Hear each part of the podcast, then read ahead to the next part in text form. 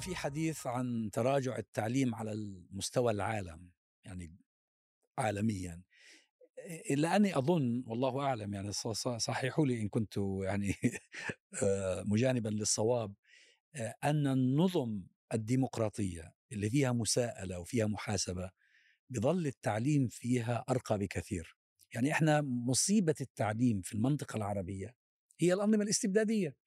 لا الشخص المناسب في المكان المناسب ولا في هم آه، حقيقي إنه بدنا ننشئ جيل بيفهم ومتعلم ويكون مؤهل لأن يقود في المستقبل لأنه ممنوع يقود في المستقبل أصلا. فهي عملية يعني عملية تعليمية لها علاقة بالوضع السياسي لا يمكن أن تنفصل عنه جدا جدا. دكتور شوف أنا حقيقة هذه المسألة هي من الهموم اللي موجودة لدى الأمة عموما يعني هو أنها تعاني من أنظمة استبدادية تتدخل بالتعليم ويعني تقصي تماما أي رأي شعبي أو أي رأي حتى للخبراء في هذا المجال. اليوم أنت النظم الديمقراطية هي تشرك أصلا في الأصل هي هي موجودة هذه النظم الديمقراطية لكي تشرك الشعب والمجتمع في أن يقول رأيه. لأنها مسؤولة أمام الشعب. مسؤولة أمام الشعب وبالتالي هي تحمل الهم يأتيك من الشعب نفسه يعطيك يعني رأيه هو هذا اللي عايش أصلا أبناء اللي يذهبون للمدرسة آه، هو المدرس والمعلم أيضا كذلك موجود. وبالتالي هي تشارك فلما تشارك يصبح همها هم المجموعة هم الأمة اللي هي تعيش فيها. النظم الاستبدادية ما الذي تفعله؟ النظام الاستبدادي يرى نفسه أنه هو مصلحة الفرد الحاكم وبالتالي هو يجير كل الأمور لأجله. ما أريكم إلا ما أرى. أي بل أجعل له هكذا ينظر إليها. هكذا ينظر الينا يعني أنا باعتقادي المنظومة التعليمية من وراءها فلسفة، الفلسفة اللي هي موجودة في بلادنا للأسف غائبة لأنه سؤال ما هي طبيعة الإنسان اللي أنا عايز أخرجه؟ سؤال غير مطروح، ما هو طبيعة المواطن الذي أريد؟ هو غير معروف، أنا يعني في الأنظمة التي فيها والله بتهيألي انهم بدهم مواطن بس سمعا وطاعة. اذا اذا ما يفكرش يعني ما هو إذا هذا كان هو المراد معنى ذلك بأنه المستوى التعليمي أو طريقة أداء هي ليست رياضيات ولغة إنجليزية وعلوم هي آلية تشكيل هذه الشخصية آلية تربية هذه الشخصية الآلية التي أعطي هذه المعلومة لهذا الشخص وكيف أنميه. مو بس حتى يحفظ إنه واحد زائد واحد يساوي اثنين إنما كيف. هذا كله في حال غياب السؤال الرئيسي أنه ما الذي أريده لهذا الشخص؟ الحقيقة بالأخير النظام راح يكون قاصر جدا. يعني خلينا ننطلق من مبدأ الدول المتقدمة والدول الحضارية في موضوع السياسة التعليمية في في العالم العربي. نجد أن العالم العربي بتراجع مستمر في هذه المنظومة التعليمية. للأسف مع فوارق التقدم عن بعض الدول العربية نجد أن هذا التراجع هو تراجع مستمر. ومن هذا المبدأ ننظر إلى الواقع الحالي في المجال التعليمي نجد أن هناك الكثير من الفساد نجد أن هناك كثير من غياب السياسات التربوية وغياب الرؤية التربوية في العالم العربي آه، تراجع آه، الإنفاق في التعليم في العالم العربي. أضف إلى ذلك الوضع السياسي والأمني المتقلب في المنطقة العربية مما سينعكس بالتأكيد على المستوى التعليمي في المنطقة العربية. و آه، يعني المستوى التعليمي الهدف التعليمي في المنطقة في الدول المتقدمة هي هدف رعائي تربوي. أما في الدول الاستبدادية فهو هدف لضبط وتوجيه الفرد كما تريد هذه سلطوي. الدول الاستبدادية سلطوي. نعم سلطوي. بالضبط. وعلى على هذا الكلام دكتور في في في في عام 2019 كان في تقرير من معهد كارنجي يتكلم عن موضوع المشكلة التربوية الموجودة في الدول العربية تقرير حول موضوع المشكلة التربوية. فيرى بأن أكبر مشكلة موجودة هي السلطوية اللي موجودة على التعليم من قبل الحكومات. وهذه متمثلة خلونا أعطيكم مثال أنا بالنسبة لي. على المناهج يعني على على المناهج. شوفوا إلى أي درجة. في يوم من الأيام آه، اتصلوا في وزارة التربية وأنا أصلا يعني لديهم مستشار في عدة أمور. فاتصلوا فيني وقالوا لي يعني نريدك مستشار كمركز أنا عندي مركز كان. فاللي حصل إن اتصلوا فيني وقالوا لي محتاجينك ضروري. جدا يعني بأسرع وقت ممكن نلتقيك فقلت لهم خير إن شاء الله في شيء صاير شيء كبير. فرحت والتقيتهم قالوا عندنا مشكلة في موضوع مناهج مهارات الحياة. قلت والله هذا يعني شيء رائع إنكم منتبهين لأن أصلا المخرج دائما التركيز عليه معرفي وليس مهاري. زين؟ تركز على مع إنه في في أعمدة أربعة اليونسكو أصلا وضعتها زين؟ الواحد إذا بيرجع لها هم لا يعتمدون في التقييم إلا على شيء واحد ألا وهو اللي ذكره الدكتور أنس موضوع إنه هو يعرف الحساب يقرأ هذا هو بعض العلوم وبعض الأمور. فقط هذه. فقلت لهم ممتاز جدا. وكان قبلها بفترة معينين لجنة على أساس تعمل هذا الأمر ورموا الكتب كلها في المخازن لأنه لا يصلح للتطبيق. فقالوا إحنا عندنا مشكلة وإذا جايهم توجيه من الأعلى أن عندكم فرصة للوقت الفلاني أنكم تضعون مناهج مناهج لل فجاية من سلطة عليا. قلت لهم آه يعني القضية مش قضية تربوية يعني ما مش قضية مبدئية ومش خبراء يعني لا لا مش خبراء. فقال قالوا إحنا المشكلة إن اللي موجود على على رأس المو... ليس بخبير لا ليس له علاقة في هذا الموضوع. قالوا فإحنا نستعين بك الآن إنك أنت تعمل لنا هذا الشيء. قلت لهم بس لابد يكون خلال نسق تربوي واضح ومنظومة تربوية. العملية مش هكذا جاي جاي أمر بهذه الطريقة قالت شوف الرسالة اللي وصلتني الاخت المسؤولة. تقول شوف الرسالة اللي وصلتني وفيها يعني ضغط جديد. فطبعا كان في خوف ورعب الأخت هذه. المشكلة الأكبر بعد ذلك قلت لهم خلاص قلت لا خلاص اهدي إن شاء الله. وأنا أعمل لك إياه بطريقة تربوية يعني على نظام تربوي. بس أنا شرطي أن يكون وفق قيم تربوية. يعمله التربويين ولا دخل لأحد في هذا. ما تتدخل أي سياسة ولا كذا في تقييم الأمر، تقييم الأمر عن طريق تربويين، جيبوا أي مؤسسة تربوية في العالم خلوها تقيم، ما عندنا مشكلة. قالت توكل على الله، الآن أنا في وضع غير عادي شوف الكهرباء اللي حاصلت لها. فقدمت لها المشروع كامل وأرسلت لها. المهم إنه هو بعد أيام قطعت التواصل تماما. نهائي. نهائي. وانتهى هذا المشروع معنا لأن, أخرى. لأن اسمي كان موجود أبو محمد أبو محمد المسألة التعليمية المنظومة التعليمية من أدق وأكثر القطاعات في حياة المجتمعات حساسية لأنها قضية استراتيجية. قضية استراتيجية بالتمام، يعني أنت تسوي مصنع ولا تسوي معمل ولا تسوي إنتاج لشيء معين لا يأتي عشر معشار أهمية المسؤولية. تصنع البشر لأن الموضوع ليس نجاح في امتحانات وليس الموضوع انه الطالب آه، يعرف جدول الضرب. الموضوع أنك أنت. الأصل تبني إنسان. أنت قاعد تخرج بشر هذول الجيل المستقبلي الذي سيقود هذا المجتمع الذي هو سيفكر في كيفية رفع مستوى هذا المجتمع. ولذلك الحقيقة إحنا يعني حتى حينما نعود إلى أوائل أيام الاستعمار لبلادنا خلينا نرجع 120 130 سنة إلى بداية القرن العشرين. الحقيقة أهم من تم استهدافه من قبل الاستعمار الذي دخل بلادنا شيخ الإمام وشيخ المسجد والأستاذ. هؤلاء كلاهما اولا صاروا في أدنى سلم المجتمع. صاروا الناس يعني تزدريهم. والله أنا وقبل معلم. ذلك كان الأكثر توقيرا واحتراما لا بل أكثر نعم. أنا جدي عليه رحمة الله صحيح. جدي عليه رحمة الله قال لي بأنه هو يذكر وهو شاب صغير شيخ الجامع يحل مشاكل الناس المالية اللي عليه دين واللي كذا يجي شيخ الجامع يقول لهم أنا أدي أصبح شيخ الجامع يتبرع له لأنه راتبه بالكاد يكفيه وأصبح في ادنى وأصبح مزدرى. وأنت منو منو اللي يدخل الشريعه إلا الطالب الفاشل اللي جايب 50 51 و52 منو يدخل الشريعه أصلا؟ اللي يجيب 80 و90 عبقري يدخل هندسة يدخل طب ما يدخل ما يدخل الشريعه ويدخل. هنا بدأ استهداف المنظومة التعليمية. وإلا من ناحية يعني خلينا بس تعرف أنس يعني أنا أنا لحقت على الوقت اللي كان المدرس ما زال فيه محترما. يعني أنا أذكر الابتدائي والمتوسطة والثانوي درستهم أنا. معظمهم في الكويت. أول ابتدائي كان في الأردن في فلسطين في الخليل وباقي السنوات في الكويت. كان المدرس ما زال محترما وموقرا.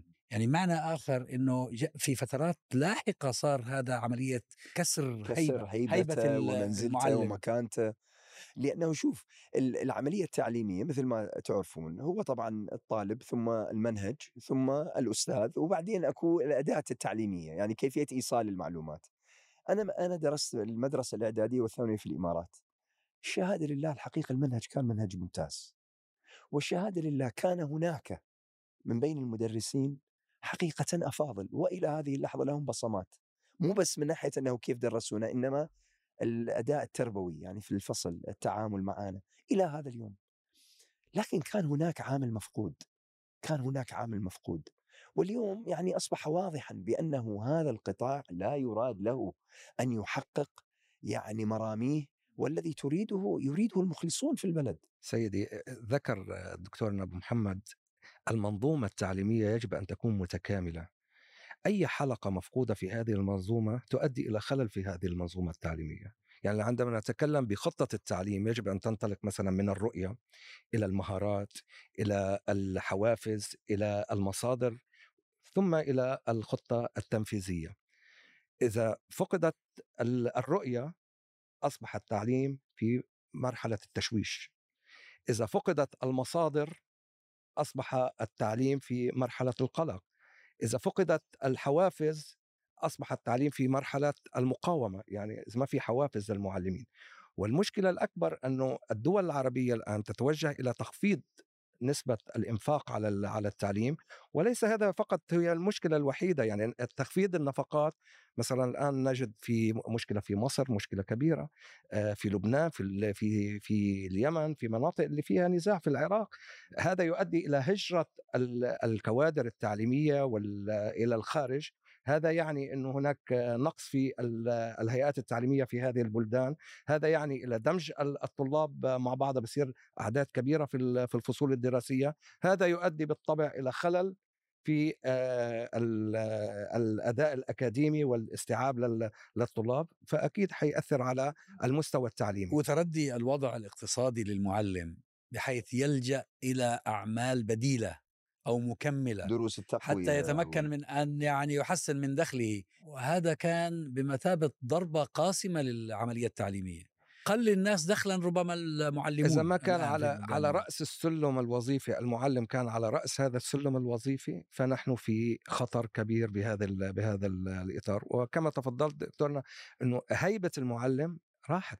هذه هذه حقيقة نقطة جدا مهمة موضوع هيبة المعلم وسد حاجة المعلم. لكن في شيء أيضا أكبر من ذلك بكثير في موضوع المعلم. المعلم العربي لا يشرك بأي شيء بالنسبة للتعليم والتربية سوى أن يؤدي وظيفته يأتي كل يوم. المعلم في الأصل هو المشارك في وضع المناهج. المعلم في الأصل هو الذي يحدد البرامج النافعة للطلاب. المعلم الأصل له مساحة لكي يتعامل مع نوعية طلابه وفقا للبيئة التي يعيشها. المعلم في الأصل هناك ركن رئيسي. في طبعا طبعا إحنا نعتبر في العملية اللي ذكرها الدكتور أنس الآن أركان التعليم المعلم والمنهج. طبعا الطالب هو الرئيسي الطالب محور محور العملية التعليمية. هذا والإدارة التعليمية والبيئة التعليمية. من يصنع لك البيئة التعليمية غير المعلم؟ طيب هو كل شيء يأتي مفروض عليه. أنت أصلا كمعلم اللي الأصل أنك تعلم التفكير غير مسموح لك بالتفكير. يعني تخيل أنت أنا معلم أجي كل يوم كأني موظف أعطى مهمة أدخل وأتعامل. كيف سأتعامل مع الطالب؟ أصلا عندي مساحة معينة.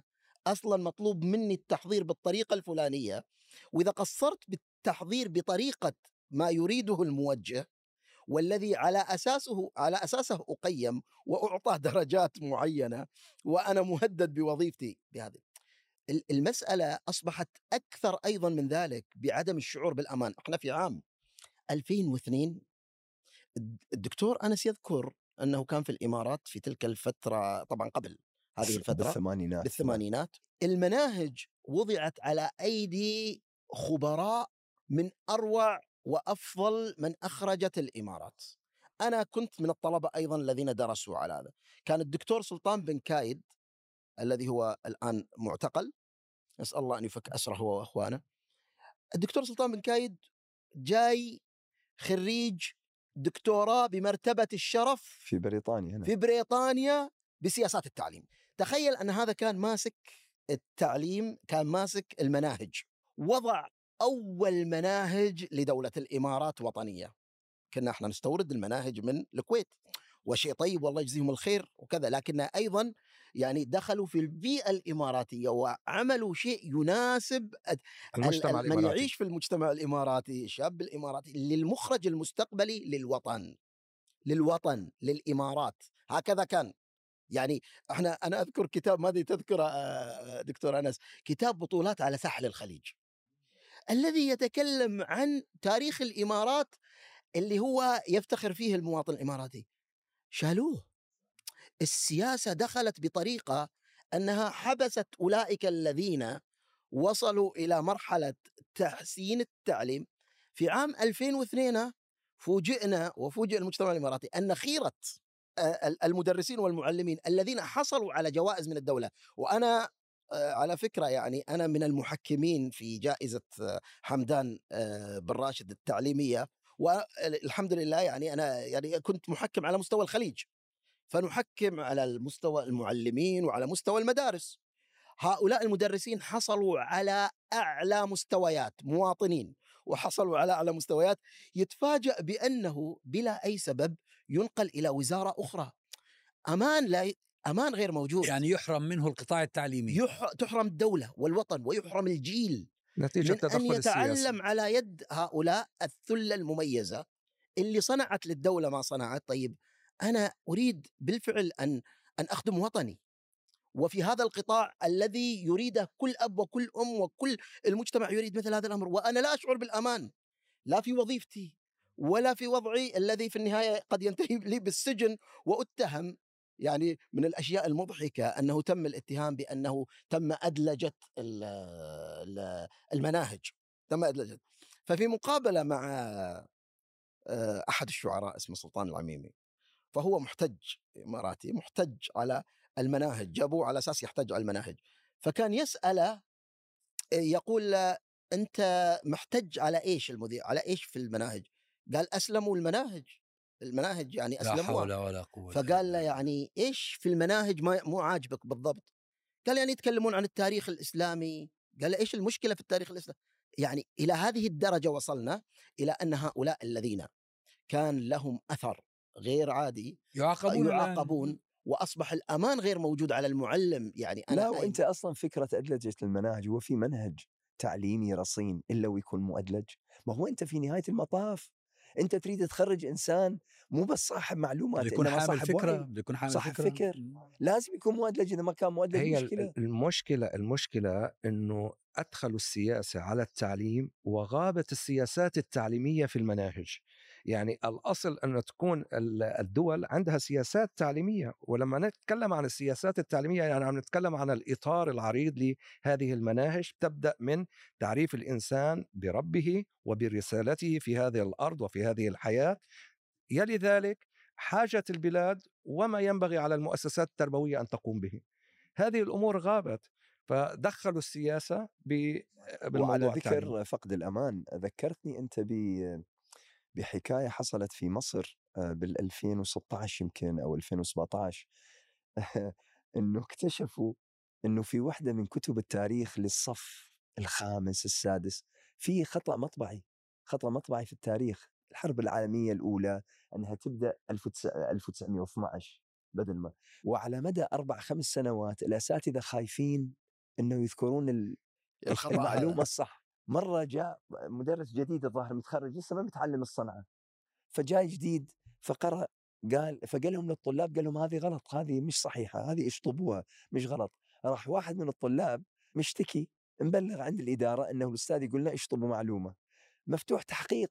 أحالوا التحقيق مفتوح تحقيق لجنة التحقيق واحد يطلع بالثاني يقول يعني هو صح هذا هو المنهج بس الأستاذ ده يقول خلاص يعني امشي. صح طيب وين إيش نسوي؟ فقالوا يلا اذا نوصي بتعديل. الأستاذ تبهذل ست شهور هو متقاعد عن العمل وكذا مبعد و فتخيل أنت المشكلة لما أنت تقول على فقدان الأمان لما الأستاذ حتى يخشى إنه يعدل معلومة يعني معروفة. معروفة أنه الحرب العالمية الأولى بدأت بال 1914 وليس 1912 خطأ مطبعي. فبدل ما الأستاذ يجي يقول يا جماعة الخير يا شباب عدلوا هذه ليس له ذلك الحق. ما دام مكتوب 1912 إذا أبقى أعدل. لا وأصلح الامتحان على أساس إنه هو 1912 والطالب اللي يكتب 1914 يكتب له غلط. هذا الكلام اللي هو في موضوع السلطوية وشعور اللي تفضلت فيه دكتور هو شعور المعلم وشعور القطاع التربوي هذا بأن هناك سلطة عليه حتى في المعلومة وحتى في طريقة التعليم. يعني من الأشياء العجيبة في عام 2007 في عام 2007 كان آه، في آه، مجلس مجلس آه، محمد بن زايد لما كان في تلك الفترة ولي العهد كان يجمع آه، يعني آه، نخب من الدولة ويجيب آه، ضيوف. فأحد الضيوف اللي جابهم كان خبير أمريكي خبير أمريكي في التربية. وزير التربية كان حاضر. فيقول له وزير التربية بعد ما خلص محاضرته حول التعليم قال له بأن إحنا الآن العلوم والرياضيات كلها اتخذنا قرار والمواد العلمية كلها اتخذنا قرار بأنها تدرس باللغة الإنجليزية. فالخبير الأمريكي قال له ليش تدرس باللغة الإنجليزية؟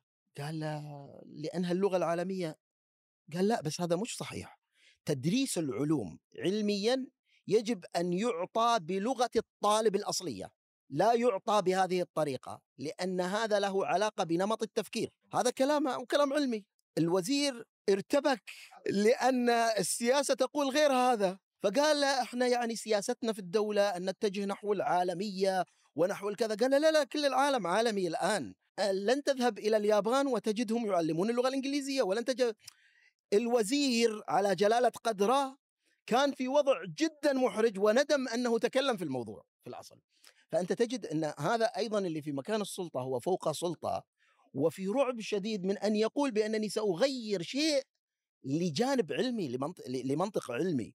وهذه يعني أسحب عليها في الدول العربية الاستبدادية، طبعا إحنا عندنا دول عربية موجودة فيها جزء من الديمقراطية. جزء من الديمقراطية موجود. هذا هذا بيعطيك آه، نسبة التغريب تغريب المناهج وتغريب ال- المناهج التعليمية في دولنا ال- العربية وللأسف عندنا نوعين نوع داخلي ونوع خارجي فالداخلي يعني هو من من خلال بني جلدتنا زي ما بيقولوا آه، مستعربين ومتأسلمين و و و وهذول أشد خطر. يعني عم بي يعني مثل الآن إلغاء اللغة العربية أصبحت الدول العربية يعني أنا بقول لهم لما أذهب إلى أي دولة عربية أتكلم في اللغة الإنجليزية. الآن أنا في بريطانيا أتكلم اللغة العربية. ف, ف... اضافه إلى ال- الضغط ال- الخارجي أمرار الدول والمصالح تؤدي إلى تغيير بملامح والمناهج التربوية في في الدول. فهذه هذه هذه نقطة موضوع خطيره التطبيع هذا يفرض عليهم تغيير المناهج. ما هو المسألة مسألة اللغة المسألة اللغة هي تفتح لك آه، أبواب ومنافذ آه، ال- اللغة الأم آه، تحفظك منها. يعني قضية ال- ال- الانقياد وراء مثلا خطاب التطبيع خطاب الإبراهيمية هذا لو لو كان الطالب هذا لو كان الإنسان هذا متشرب اللغة العربية تشرب كامل ومتعلم عليه ودارس كل شيء باللغة العربية أم- ترى في موانع حتى نفسية تمنع من أنه ينقاد خلفها. لكن اليوم أنت عندك مشكلة يعني مثلا نأخذ مثال الإمارات وهذه سمت غالب في كثير من دول الخليج. اللغة العربية هي اللغة الثالثة. اللغة العربية في هذا البلد العربي هي اللغة الثالثة. يعني الحقيقة هذه تنذر بكارثة إنسانية قبل ما تكون هي كارثة من أي نوع آخر. سيدي خلال زيارتي إلى ال- اليابان اليابان تبدأ من مرحلة الرابع ابتدائي بتعليم اللغة الث- الثانية لل ألمانيا نفس الشيء. آه، ليست إلزامية. اللغة الأساسية لغة الأم هي اللغة الأساسية في في البلد إلا في بلداننا العربية. نعم نعم. وما بتفضل به الدكتور بموضوع إنه تربويا يعني هذا الدكتور ال- ال- الأمريكي آه، أكيد ليس له دخل في السياسة الأمريكية أكيد لأنه عم يحكي تربوي. هي طبيعي. التربية آه، طبعا الأصل إنه الإنسان يتعلم حتى المرحلة الجامعية بلغته الأم. هو حقيقة يعني إحنا لا يمكن أن نقول إنه لا تكون هناك سياسات تربوية، لابد أن تكون هناك سياسات تربوية للدولة، مثل هنا حتى في الدول هذا يعني في في أساسيات للمناهج وفي موجهات للمناهج، لكن المشكلة الكبرى في موضوع ال- ال- التغريب اللي تفضلت فيه أستاذ عندنا أصبح التغريب أكبر مما يتوقعه حتى الغرب اليوم، وتغييب الهوية. الهوية هو جزء أصلا من المنهج. يفترض انها هي هذه غير موجودة. اليوم في الدول العربية هذه غير موجودة يعني ليس لهم علاقة في موضوع الهوية. إذا لم تكن الأسرة هي محافظة على الهوية فكل موضوع الهوية لدى المدارس هو الرقصات الشعبية اللي يعملوها في الأيام الوطنية وغيرها من هذه الأمور. أما بقية الأمور ال- ال- ال- ال- اللي هي يعني خاضعة إلى تكوين الهوية لا هي مختلفة إلى درجة أن إحنا عندنا في يعني في الإمارات على سبيل المثال المناهج والمعلمين تم تغييرهم لجلب معلمين من الخارج معلمين من الخارج المعلمين اللي من الخارج كثير منهم الذين يصلون ليسوا ذوي كفاءات ليسوا ذوي كفاءات حقيقية أنا التقيتهم. ومن الأمور المضحكة يعني اللي موجودة تقييم المدارس صار مثلا في دبي آه، صار تقييمها على يد شركة شركة بريطانية كندية. وأنا كنت في فترتها كنت كان عندي آه، يعني كنت رئيس مجلس أمناء لمدرسة مدرسة الشيخة لطيفه اللي هي آه، على اسم والدة محمد الشيخ محمد بن راشد. والمدارس النموذجية كان رئيسها أيضا الدكتور سلطان بن كايد رئيس مجلس امنائها وأنا كنت عضو مجلس أمناء. وكانت هذه ال- ال- ال- ال- ال- الشركة تأتي لتقييم المدارس تقييم المدارس بهذا. وكانت تعطي طبعا المدارس النموذجية اللي كنا في هذا كانت هي الأعلى مستوى تأخذ الأفضل على مستوى ال- آه، الدولة لكن لما نأتي ونجلس إحنا طبعا مضطرين للكلام باللغة الإنجليزية. مع لجنة تقييم هي جاية من الخارج لا تعرف في المجتمع الإماراتي أي شيء. بعضهم لأول مرة يزور الإمارات. يأتي فيقيم. وهو همه أن هذا يرضى. طبعا هذا اللي جاي هو يرضى ويقيم. أكبر من ذلك جينا أنا والدكتور عيسى السويدي. الدكتور عيسى السويدي هو يعني يعتبر كتقييم هو من أفضل من مسك منطقة تعليمية كان مدير منطقة أبو ظبي التعليمية ومشهود له رجل يعني جذب حتى المواطنين للتعليم كثف عدد المواطنين المعلمين في التعليم. هذا الرجل بعد ما تق- تقاعد وهذا قوعد يعني وبعدين إحنا أنا وياه عملنا مشروع لمدرسة وهذا المشروع جاء مستثمر وقال أنا مستعد أن أضع يعني اللي تريدونه. مدرسة خاصة يعني. مدرسة خاصة وكانت على أساس إنها ستكون نموذجية. الآن من اللي المفروض يقبل؟ هذا المشروع. قالوا هذا المشروع أرسل للشركة البريطانية في بريطانيا وهي بريطانية كندية لكي تقيمه. المفاجئ أن طبعا طلبونا للمقابلة فجئنا. مواطنة واحدة كانت موجودة هي أصبحت بعد ذلك مديرة هيئة التعليم في في دبي هيئة المعرفة في دبي. جينا هي المواطنة الوحيدة كلهم البقية بريطانيين وكنديين جايين يقيمون الملف اللي وضعناه. هم قالوا طبعا على أساس أيضا نعرف التدخل السياسي في هاي المسألة الآن التغريب والتدخل السياسي. هم قالوا طبعا قالوا إحنا جينا نتعرف على اللي حطوا الملف هذا. هذا أفضل ملف قدم. يا سلام ما في أفضل منه. هذا الملف ليس لدينا عليه أي تعليق. هذا يمشي. هاي هاي مدرسة إحنا ننصحكم فالتفت لله ننصحكم إنكم تمشونها يعني. المهم إنها قالت الأخت يعني تقول تقول نعم آه، الدكتور عيسى السويدي معروف هو كان مدير منطقة أبو ظبي التعليمية وكذا والأخ أحمد الشيبة هو يعني الخبير التربوي وكذا فلذلك يعني بيطلع منتج غير عادي ومميز وكذا وهذا. آه، بعد أسبوع المدرسة مرفوضة. شيلوا اسم هذيل هؤلاء الاثنين وإحنا. تدخل سياسة تغريب زين. إحنا ما طبعا إحنا لا نمانع ابدا من هذا الاستفادة الداخلي. نعم؟ هذا الضغط الداخلي. الضغط الداخلي لو والذي لأنه هم يعني أن لأنكما أنتما مستبعدان. بالضبط. يعني وهذا السبب. هذا هذا السبب والامر الآخر حتى التغريب الذي هم يريدون يريدون على كيفهم. يعني هو الآن هذا الغربي الذي جاء هو قال لك هذا الأفضل قدمه. لا هو لا يريد هكذا يريد سلطته كاملة ويريد حتى الغربي الذي سيأتي به ولذلك أعرف بعد ذلك بأن هذه الشركة قالت لهم لا أنا لن أكمل وقدمت اعتذارها من إكمال الوضع بالطريقة الذي كان هو موجود. لدينا إشكاليات يعني هي أكثر ما تكون كأنها حبال متشابكة بعضها ببعض في التعليم، هذا التدخل السياسي ال- آه، السمج الذي هو يعني يريد أن يفرض سلطته على كل جزء. أيوه هو يعيدنا إلى أصل المشكلة، أصل المشكلة هو الاستبداد.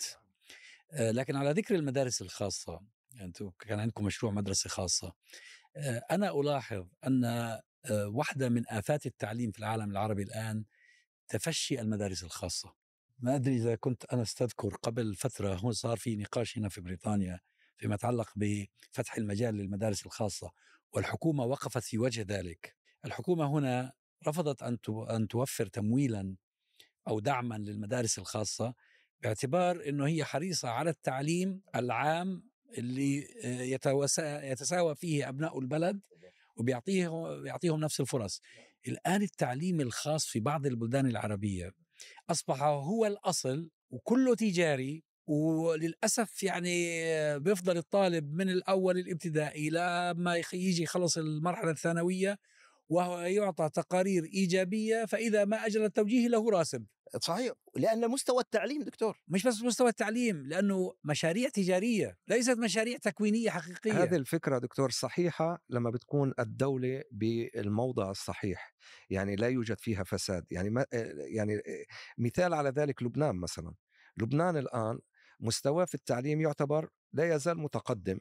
رغم كل الظروف اللي ط- السبب هو المدرسة الخاصة لأنه انهيار انهيار الدولة أدى إلى انهيار المؤسسات يعني عندكم التعليم الخاص في لبنان عوض انهيار التعليم عوض العام. عوض عوض بالضبط لأنه لأنه المؤسسات ال- الفساد الموجود في الوزارات التربية آه، كبير جدا وهذا يؤثر وينعكس على ال- المدارس الحكومية. ولذلك نجد عفوا ال- المدارس ال- الحكومية بمعظم الدول العربية هي مدارس يعني آه، وضع وضع آه، يعني متدني. أيوه ما هو ليش حصل هيك؟ لأنه ما هو لأنه في حدا بيشجع القطاع الخاص لأنه في فلوس. لا كانت الدول العربية كانت الدول العربية يعني الآن المدرسة الخاصة دخلت حديثا على الدول العربية الكثير من الدول العربية المملكة العربية السعودية والإمارات والكويت كانت كلها مدارس حكومية وكان وكان مستواها متدني.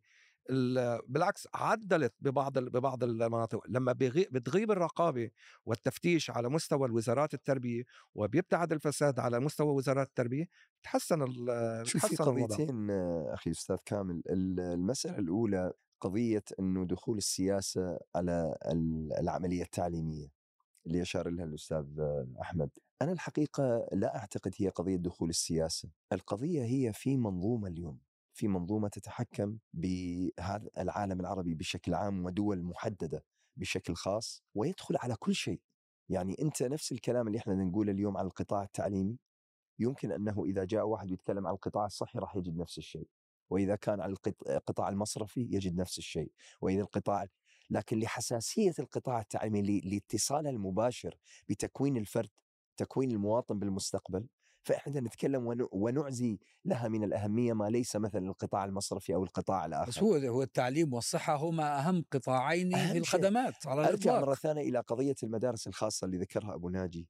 الحقيقة قطاعي الصحة والتعليم بالذات المجتمعات المتطورة كلما كلما ضاق مجال الخاص كلما كان يعني هذا هو الأصل.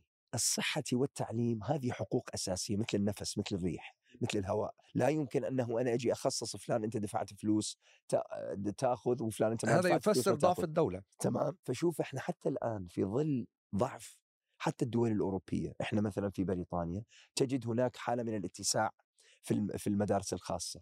لي- ليش؟ لأن المستوى التعليمي منحدر لأنه ماكو آه، عدد كافي من الصفوف لأنه ماكو عدد كافي من المعلمين الذي يقبل أنه يدخل في هذا السلك. فلذلك أنت تضطر أنه أنت تفسح المجال للمدارس الخاصة حتى حتى تغطي النقص. لكن قضية التعليم وقضية الصحة ما ممكن أنك أنت يعني تحفز من هذه القطاعات التي ستنتج في التالي مسألتين، المسألة الأولى أنه هذا هذه قضايا تجارية كل ما واحد عنده فلوس يقدر يحصل على شيء أجود واللي ما عنده فلوس ما يقدر يحصل. هذه وحدة.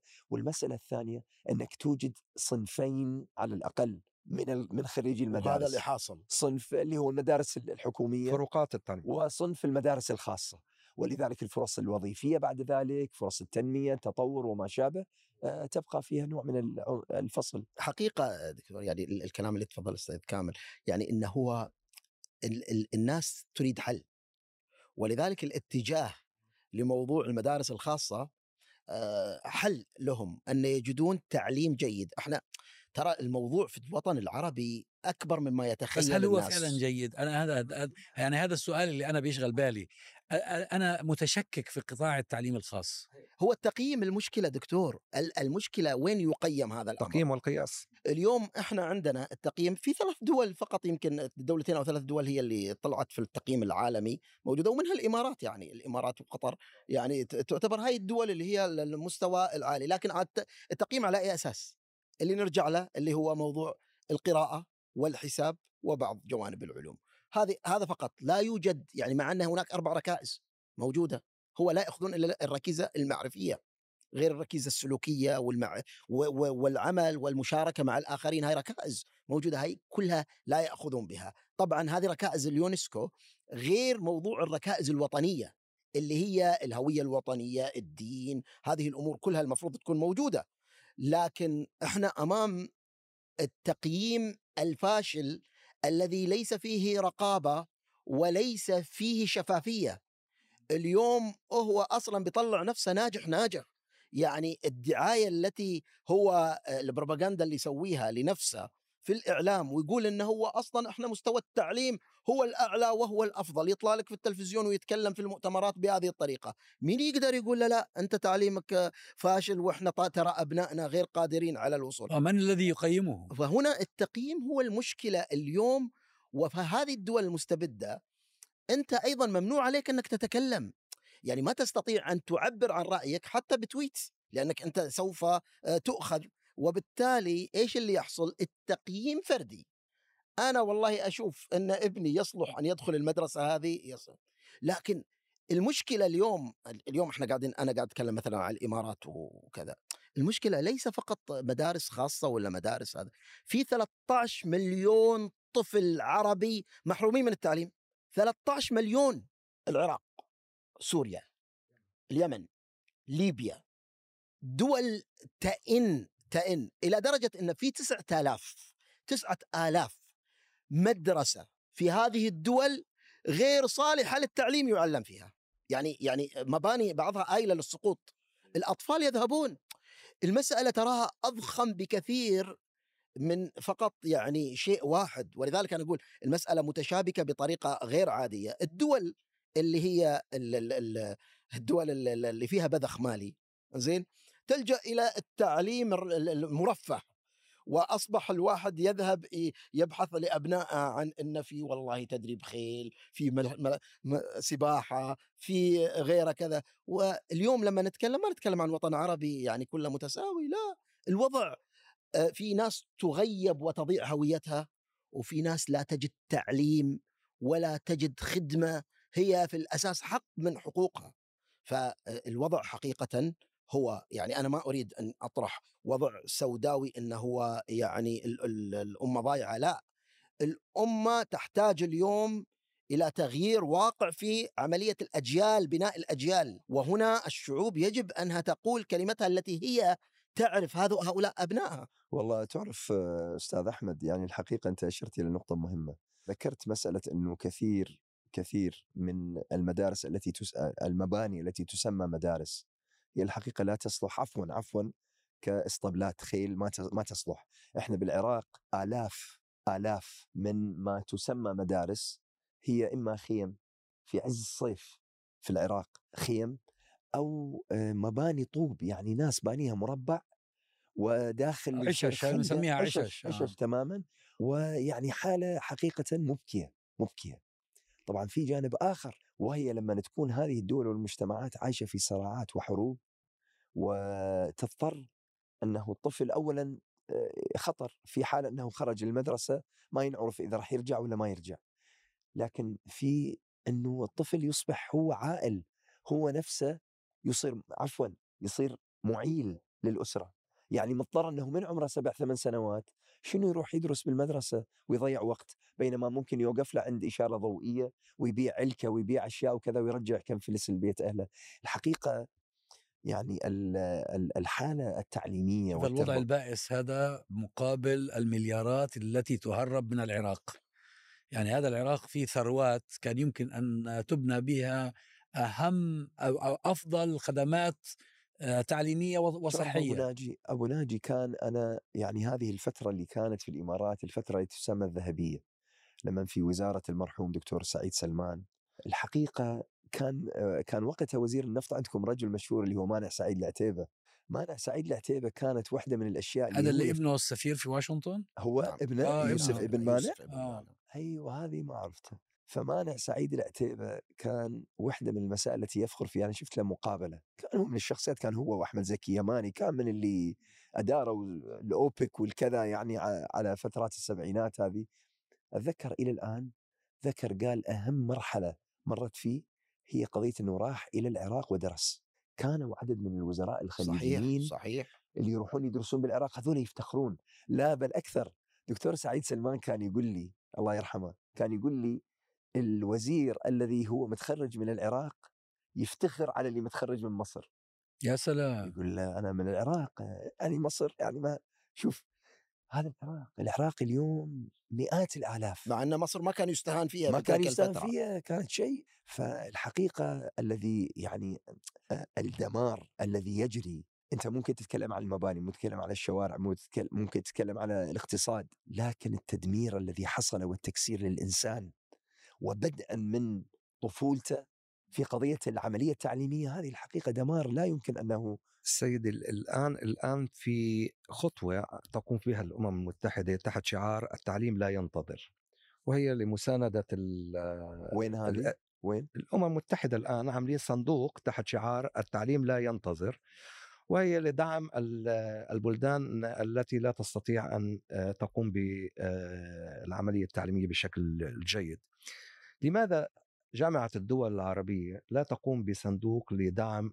البلدان لموضوع التعليم ونحن نعلم أن نهضة أي دولة في العالم تبدأ تنسرق من التعليم تنسرق توصل للعراق طب لا للتعليم. جامعة الدول العربية أرباعها. هي نادي المستبدين بي بي يعني يعني هي ممن تتشكل للأ- هي جامعة الدول للأسف لو العربية اهتموا في التعليم حي... ح- حنشوف التغيير في ال- في المستقبل ولكن يخافوا يعني تتحسن الأمور في العالم أحد العربي. أحد أصدقائي ب...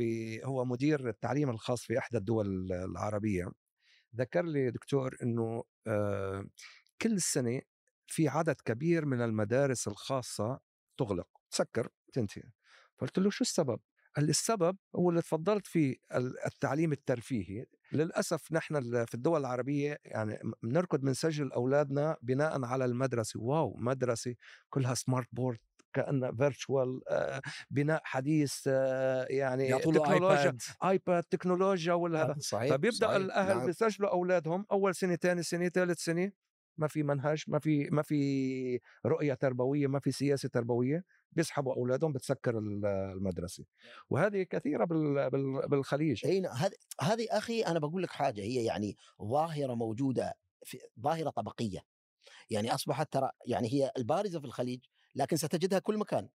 اللي هم ال- المستبدين والسرقه ترى يذهبون بأبنائهم لهذه المدارس ويكونون لأبنائهم هذه المدارس واللي حتى كثافة التعليم فيها ليست كثافة عالية وكثافة الطلبة في الفصل الواحد ليست نفس كثافة 12 مثلا 15 مثلا طالب هذه كذا هكذا نعم. وتجد إن ال- المدارس الأخرى متكدسين فيها الطلبة ومطلوب من المعلم الواحد ما في مساعد أن يدير مثل هذه الوضعية ال ال ال ال هذه يعني وضعية التباين.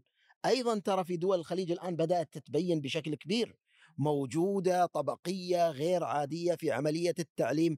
ليس على أساس مستوى التعليم وإنما مستوى الرفاهيه التي يحصل عليها الطالب في هذه المدارس. والتركيز عليها هو لإرضاء العميل هو لإرضاء العميل. وأكثر من ذلك أصبحت مسألة اللعب بالمناهج في هذه في هذا الموضوع غير عادية.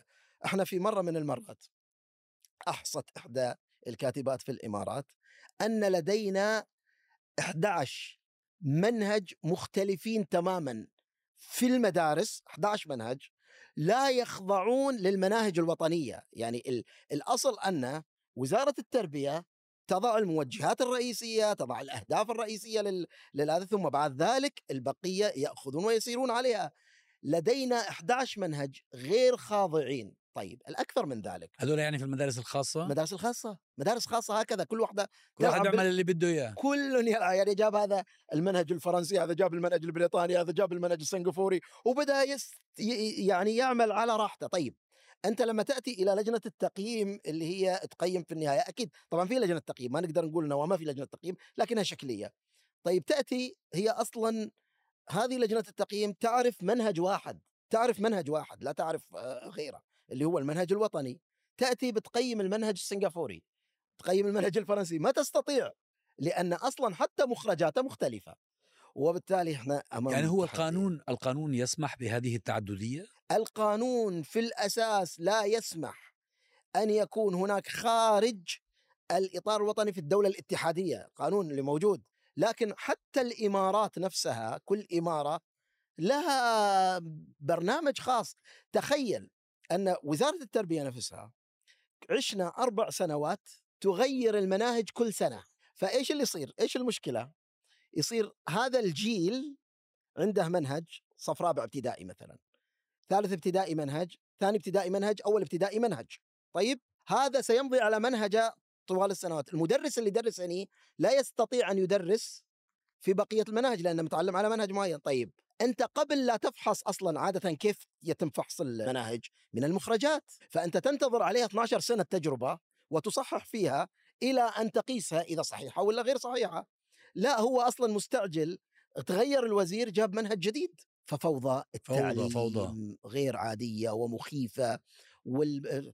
قبل يومين طالعين إحنا عندنا لقطة يسألون فيها الشباب يقولون لهم من هي أم الرسول صلى الله عليه وسلم؟ إي شفته مؤلمة من هو أبو الرسول؟ والله مؤلمة. ما حدا يعرف. مؤلمة. مؤلمة. واحد مع يقول إني علي بن أبي طالب واحد يقول أبو بكر الصديق واحد مع إني أنا صراحة أنا مع إني يعني لا أؤيد نشر مثل هذه الأمور أنا معك أنا معك. لأن هؤلاء الشباب المساكين هم ضحية.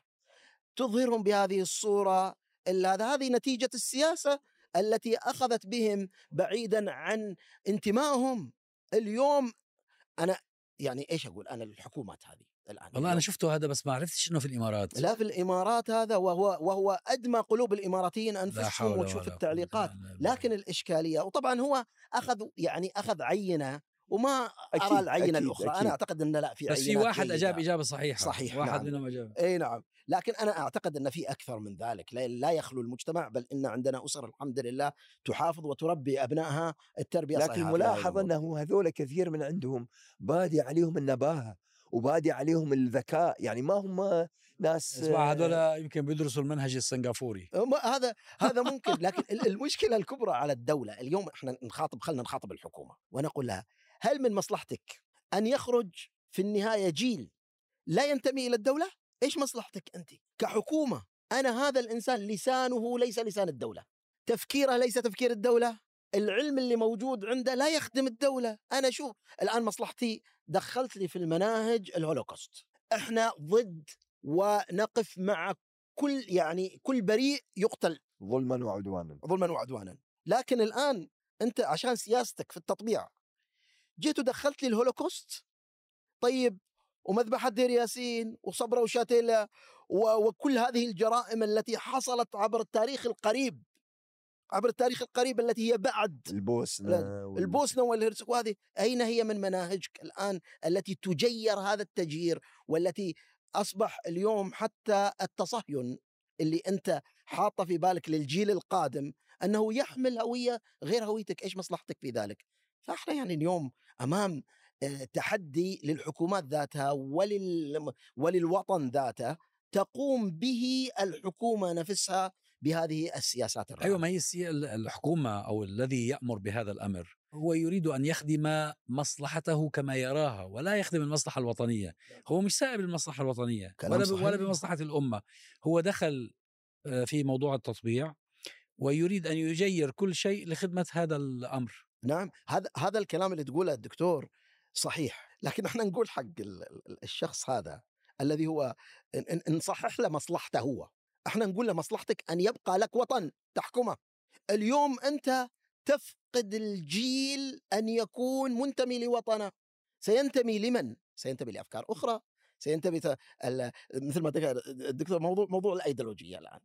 الادلجه هذه طبيعية لابد أن تكون يكون الإنسان يخرج بفكر وهي جزء من العملية التعليمية. ما هو الفكر الذي يحمله كيف يفكر هذا شوف الإنسان؟ هنا كيف جننونا في القي... في ال British values القيم البريطانية. كل شوية يقول لك البريط... القيم البريطانية. وهو لا في قيم بريطانية ولا حاجة بس هو بيبحث عن حاجة تكون آه، جامع مشترك. وتحمي وطنه تحمي وطنه الذي هو مستقبله. طيب إحنا الآن اليوم بس يعني أنا إحنا نرجو طبعا أن هذه الحكومات شوي تستمع لنا لمصلحتها أن إحنا نقول يا جماعة الجيل القادم سوف يكون بعيد عنكم وبعيد عن قبول هذه الأفكار التي هي أنكم أنتم من يحكمه أنكم أنتم لكم حق أصلا في في في, في الوجود لأنه انتماء ليس لكم أنتم غير ومختلفين عنا. وهذا المخرج خطير جدا جدا. إحنا نتكلم لمصلحه لمصلحة الوطن في الأساس. لكن و... وإحنا أصلا في الأصل لا نق... يعني وإن جير هذا الأمر لمصلحة ال- الشخصيات إحنا ضد هذا الأمر. الدولة ليست لشخص ال... ال- الوطن ليس لشخص. لكن نقول حتى فكروا تفكير صحيح. لما تفكرون في موضوع المناهج. المواطن سيخرج خصم مو بس لأنه ينقا- ينقاد من قبل الآخر الذي هو يحمل أفكاره. للأسف دكتور إنه كانت هذه في في السابق من خلال الشباب اللي آه، يمكن فترة ما يسمى بالابتعاث. كانوا زمان يعني يروح الطلاب يدرسوا في في الخارج فتتغير مفاهيمهم تتغير أفكارهم وما يكونوا مهيئين لاستقطاب هذه الأفكار الجديدة عليهم. ويرجعوا على بلدهم يغيروا. الآن ال- أنا شايف الابتعاث داخلي. يعني يعني يعني بقلب بلده عم بكون في نوع من التغيير المفاهيم وتغيير الأفكار والمنظومه ال- المجتمعيه والقيميه اللي- عاشها في بلده الآن عم تتغير من داخل بلده. بس على فكرة هذا هو الأخطر. آه، الابتعاث الخارجي كان في كثير من الأوقات آه، يخرج أجيال آه، متفتحة وحرة وأبية وحتى متمسكة بدينها وهويتها. يعني كثير من الذين درسوا في في الغرب لم لم يفقدوا هويتهم بالعكس تمسكوا بالهوية أكثر ربما تنبهوا أنا لست. ضد الابتعاث يعني ولكن ولكن آه، الابتعاث الموجه آه صحيح لأن في صحيح. كثير في كثير الآن للأسف الآن معتمدين على على على هذا الجيل اللي درس في الخارج وتغيرت مفاهيمه وأصبح آه، يعني قريب إلى العلمنة والامور هذه ورجع إلى في بلاده. الآن عم بيعمل عملية تغيير بغسيل فكري وقيمي لل- للبلد. طبعا هو حط في السجون من من حافظوا على الهوية.